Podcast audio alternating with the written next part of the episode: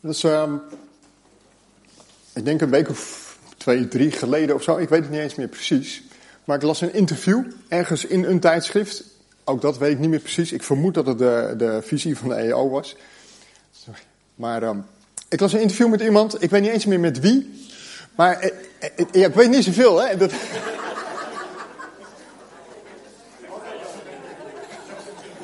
Goed, oké, de toon is gezet. Ik hoor het mezelf zeggen. Ik denk, ah, ik weet niet veel. Maar... Oké, wat ik nog wel weet.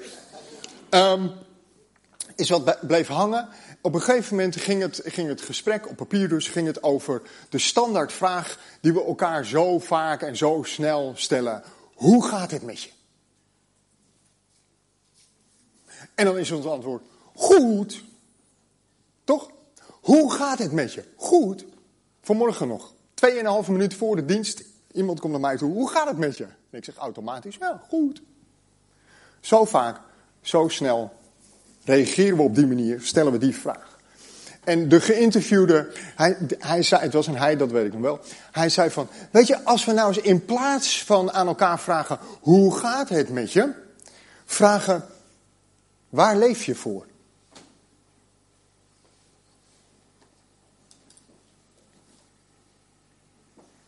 En ik dacht, wow, oké, dan gaan we wel gelijk de diepte in. Dat kun je ook niet met één woord afdoen. Maar het zette me wel aan het denken. En dat was precies de bedoeling. Waar leef je voor? Waar leef je voor? We gaan een aantal versen lezen met elkaar. Genesis 29. We gaan terug naar het leven van Jacob. Daar zijn we mee bezig. Over Jacob in alles wat hij meemaakt. In Genesis 29 en de eerste verse vanuit hoofdstuk 30 gaat het over de beide vrouwen van Jacob. Laten we het lezen met elkaar. Genesis 29 vanaf vers 31. Toen de Heer zag dat Jacob minder van Lea hield, opende hij haar moeders schoot. Maar Rachel bleef onvruchtbaar. Lea werd zwanger en bracht een zoon ter wereld die ze Ruben noemde. Want, zei ze, de Heer heeft gezien wat ik te verduren heb. Nu zal mijn man van mij houden. Ze werd opnieuw zwanger en bracht nog een zoon ter wereld. De Heer heeft gehoord hoe weinig mijn man van me houdt, daarom heeft hij me nog een zoon bijgegeven, zei ze. En ze noemde hem Simeon. En weer werd ze zwanger en bracht ze een zoon ter wereld. Nu ik hem drie zonen heb gebaard, zal mijn man zich eindelijk aan mij hechten, zei ze. Daarom werd hij Levi genoemd. En nog een keer werd ze zwanger en bracht ze een zoon ter wereld. Nu zal ik de Heer loven, riep ze uit. En ze noemde hem Juda. Hierna kreeg ze geen kinderen meer. Omdat Rachel geen kinderen van Jacob kreeg, was ze jaloers op haar zus. Geef mij kinderen, zei ze tegen Jacob, anders ga ik dood. Jacob werd kwaad en hij antwoordde, ik ben toch zeker God niet? Hij is het die jou geen kinderen geeft. Neem mijn slavin Bilhaar dan, zei ze, en slaap met haar. Als zij kinderen baart, zal ik die op mijn knieën nemen en dan krijg ik door haar toch nakomelingen. Dus gaf ze hem haar slavin Bilhaar tot vrouw en Jacob sliep met haar. Bilhaar werd zwanger en baarde Jacob een zoon. Toen zei Rachel, God heeft mij recht gedaan. Hij heeft mij verhoord en mij een zoon gegeven. Daarom noemden ze hem Dan. Opnieuw werd haar slavin Bilha zwanger en ze baarde Jacob nog een zoon. Ik heb een zware strijd met mijn zus gevoerd, zei Rachel, maar ik heb gewonnen. En ze noemde haar kind Naphtali. Tot zover. De vraag, waar leef je voor? heeft alles te maken met je diepste verlangen. Wat is het nu dat je echt zo graag wilt? Waar je misschien wel alles voor opzij zet. En bij Lea is dat duidelijk. Haar diepste verlangen is om de liefde van haar man Jacob te winnen, te ontvangen. Hij houdt meer van Rachel maar door bedrog is ze toch met Lea getrouwd. En Lea voelt het. En ze ervaart het, dat ze op de tweede plaats komt. Haar diepste verlangen ligt op het gebied van liefde. Zij wil geliefd zijn. Rachel, haar zus, die heeft die liefde van Jacob al. He, ze weet het en ze ervaart dat zij zijn eerste keuze is. Ze is verzekerd van haar liefde, van zijn liefde. Dus haar diepste verlangen ligt op een ander gebied, namelijk op het gebied van kinderen. Ze is onvruchtbaar. En onvruchtbaarheid is een grote schande, is een vloek in die tijd. Want je werd erop aangekeken als vrouw. Je zou wel iets verkeerds gedaan hebben. Je zou wel onder de vloek van God leven. Je zou wel diep in zonde leven. En daarom was je onvruchtbaar en kreeg je geen kinderen. En iedereen wist het en iedereen zag het en je werd met de nek aangekeken. Dus Rachel verlangt kinderen. Haar diepste verlangen is kinderen. En daarmee verlangt ze naar de erkenning van anderen. Want pas als je kinderen had, werd je voor vol aangezien. Liefde. Erkenning. Wat is het bij jou? Wat is jouw diepste verlangen? Waar zet jij alles voor opzij? Waar moet iedereen voor wijken? Of als we de vraag collectief stellen, wat is ons diepste verlangen als gemeente? Waar willen wij naartoe? En wat willen, durven, kunnen wij daarvoor opzij zetten? Je diepste verlangen komt tot uiting in wat je doet en in wat je laat. Het zegt iets, je diepste verlangen zegt iets over je drijfveer. Het zegt iets over je motivatie. En hoe je drijfveer en je motivatie zich vertalen naar je acties, naar je gedrag. En dat kan zowel positief als ook heel negatief uitpakken. als, we, als, we, als het positief uitpakt, nou, je diepste verlangen kan het beste in jou naar boven halen. Het kan je structuur geven. Het kan je volharding geven. Het kan maken dat je scherp bent in het stellen van je prioriteiten. Uh, het kan je ertoe bewegen dat het je echt werkelijk iets mag kosten. Want je hebt er alles voor over om de diepste verlangen bewaarheid te zien. Je geeft alles om je diepste verlangen maar vervuld te zien. Positieve zaken. Het geeft drive. Het geeft richting. Het geeft focus. Maar het kan ook negatief uitpakken. Je diepste verlangen kan ook het slechtste in je naar boven halen. Als je ziet dat het je niet lukt. Als je jaloers wordt op mensen die het wel hebben. En Rachel was jaloers op Lea, omdat zij wel kinderen kreeg. En ze reageerde het af op Jacob. Geef mij kinderen. Ze heeft het over een strijd met haar zus. Het was alles behalve gezellig. Er is sprake van jaloezie, er is sprake van misgunnen. Er is sprake van elkaar dwars zitten. En Lea. Lea is vervolgens jaloers op haar zus, omdat zij de liefde van Jacob, haar man, heeft. En ze probeert dat met kinderen recht te trekken. En om zo zijn liefde te verdienen.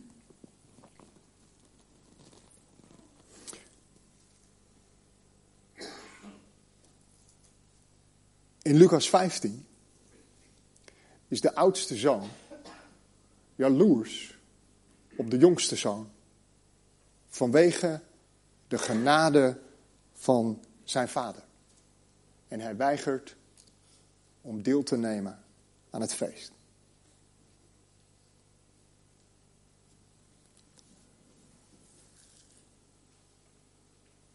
Ik vind dat zo lastig, hè? Want ik zie het wel eens om me heen. Of ik hoor het. Dat iemand jaloers is op de genade die iemand anders ontvangt. Misschien herken je het wel. Misschien zit het zelfs wel in je eigen hart. Alsof wij die leven van genade en, en vol overgave leven voor Jezus en weten en ervaren wat Hij voor ons gedaan heeft. Alsof we die genade voor onszelf zouden willen houden. En op het moment dat iemand die je, ja, vaak gaat het dan zo, hè, iemand die je gewoon helemaal niet mag, ook tot geloof komt. En je misgunt de genade die je zelf hebt ontvangen aan iemand anders. De oudste zoon hoorde van het feest en dat zijn jongere broer weer in genade was aangenomen en hij weigert om naar binnen te gaan. Hoe komt ons diepste verlangen tot uiting? Is dat positief of is dat negatief? En wat, wat als je diepste verlangen onvervuld blijft? Hoe ga je daarmee om? Of het nu gaat om liefde, of dat het gaat om erkenning, of misschien heel iets anders. En God? Waar is God? Waar is God in dat hele verhaal? Speelt God eigenlijk wel een rol? Weet je, als je de versen doorleest, dan zie je dat God actief betrokken wordt bij de zwangerschappen van Lea. Het lijkt erop alsof hij haar verlangen naar liefde vervult door haar kinderen te geven. En Lea noemt het steeds. God ziet bij de eerste zoon. God hoort bij de tweede zoon. En bij de vierde zoon, ik zal hem loven. En door die uitspraken van Lea krijgen we een beeld van God. Zien, horen. Het geeft ergens de betrokkenheid van God, de aanwezigheid van God aan. En vaak als er staat God ziet of God zag, dan is dat een inleiding op Gods handelen. Gods handelen in het voordeel van de zwakke of van de onderdrukte. als je kijkt naar Exodus, het volk wat als slaaf in Egypte is, God zag hun omstandigheden en God grijpt in en hij roept Mozes. Exodus 2 kun je dat lezen. God ziet, God hoort en God grijpt in. Op zijn manier. Zoals alleen hij dat kan. Dus als jouw diepste verlangen onvervuld is, weet dan dat God je ziet. En dat Hij je hoort.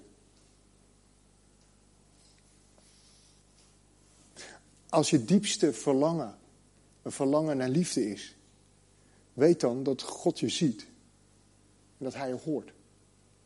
Als je diepste verlangen een verlangen naar erkenning is, weet dan dat God jou ziet en dat God jou hoort. Dat is het evangelie. Dat is het goede nieuws van een God die betrokken is. Die je ziet en die je hoort. Gewoon zoals jij bent in jouw omstandigheid. Met jouw worsteling. Met jouw vreugde. Met jouw verdriet. Het evangelie van een God die ziet en hoort en die betrokken is. En vaak pakken wij dan direct door naar de vraag, of soms zelfs naar het verwijt. En waarom grijpt hij dan niet in?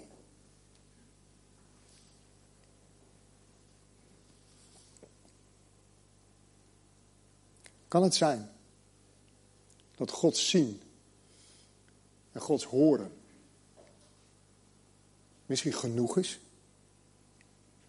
Ik bedoel, het gegeven dat God jou ziet en jou hoort, mag dat genoeg zijn? Ik moest denken aan dat bekende gedicht. Ik denk eigenlijk dat we het allemaal wel kennen. En als je het niet kent, dan kom je straks naar me toe. Dan zorg ik dat je een exemplaar krijgt. Het bekende gedicht van de voetstappen in het zand. Weet je, dat gedicht wat gaat over een spoor voetstappen in het zand. En het ene spoor voetstappen is van de schrijver en het andere spoor voetstappen is van God. En op een gegeven moment veranderen die twee sporen voetstappen naar één spoor. En dan klinkt dat verwijt. Ah, heer, maar waarom, waarom, toen het zo moeilijk was, moest ik alleen verder? En dat God antwoordt en zegt, nee, toen heb ik jou gedragen. Er staat niet, toen heb ik ingegrepen, toen heb ik gegeven wat je wilde hebben, zodat je alleen verder kon zonder mij. Nee, er staat, toen heb ik jou gedragen. In de zin van God is betrokken, God ziet je, God hoort je en God draagt. Weet je, soms grijpt God niet in. Soms grijpt God niet gelijk in. Soms grijpt God heel anders in dan jij denkt of zelfs dan je zou willen. En een onvervuld verlangen betekent pijn. Betekent verdriet. Zoals we dat hier tegenkomen bij Lea en bij Rachel. En eerlijk, ik vraag het me af of de vier kinderen van Lea werkelijk hielpen. Werkelijk haar verlangen naar liefde vervulden. En ik vraag me af of de zelfbedachte oplossing van Rachel ook werkelijk haar diepste verlangen vervulde. Weet je, soms blijft de pijn gewoon. En moeten we leren omgaan met verdriet, met lijden, met de kwetsbaarheid van het leven. De jongste zoon die jongste zoon, die had plannen. Die had dromen. Die had verlangens. En nog belangrijker, die had een enorme zak met geld en hij ging. Ver weg. Om zijn plannen en zijn verlangens en zijn dromen uit te laten komen. En uiteindelijk wordt zijn verlangen niet vervuld en eindigt hij bij de varkens. En in die kwetsbaarheid kiest hij ervoor om terug te keren. Om naar huis te gaan. Om zijn kwetsbaarheid te laten zien en te delen.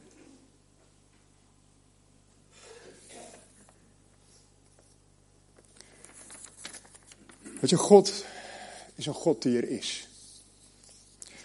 God is een God die er is. En in Jezus zien we de God die ziet en die hoort en die betrokken is.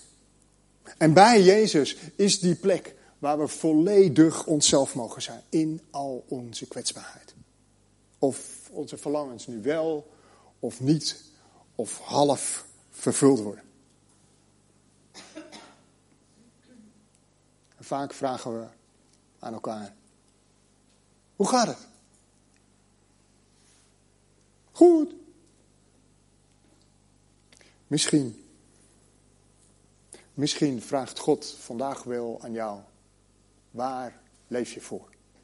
Wat is jouw diepste verlangen? Laten we bidden.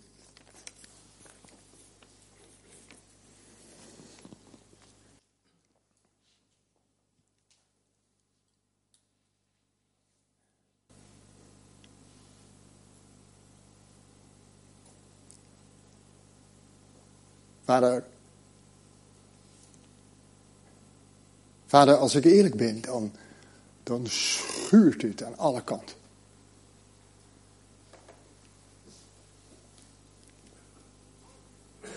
Heer, niet alleen de woorden die we lazen met elkaar en de gebeurtenissen, in de geschiedenis, in het leven en het gezin van Jacob. Heer, maar het schuurt persoonlijk. Het schuurt in mijn hart, omdat ik weet dat ten diepste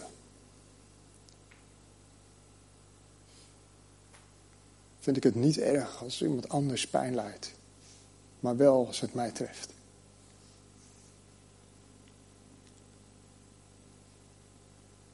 Ten diepste vind ik het minder erg als iemand anders verlangen niet of nauwelijks vervuld wordt, maar wel als het om mezelf gaat.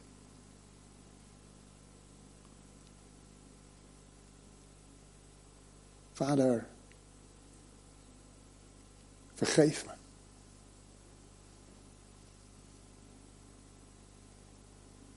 Vergeef ons. Heer, en we bidden dat u, zoals u alleen dit kan, geeft wat we nodig hebben. En dat we daar tevreden over mogen zijn. En eh, hey, misschien zelfs wel dankbaar over mogen zijn. U bent groot. U bent machtig. U bent mighty to save. Dat zongen we net. U heeft de dood overwonnen. Heer, en dan bidden we. Dat we met elkaar of alleen in onze kwetsbaarheid bij U durven zijn. En onze diepste verlangens of misschien wel teleurstellingen bij U bekend mogen maken.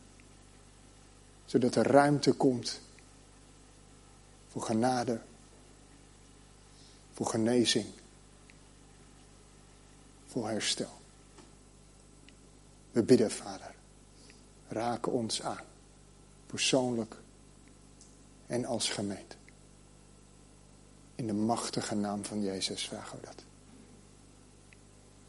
Amen.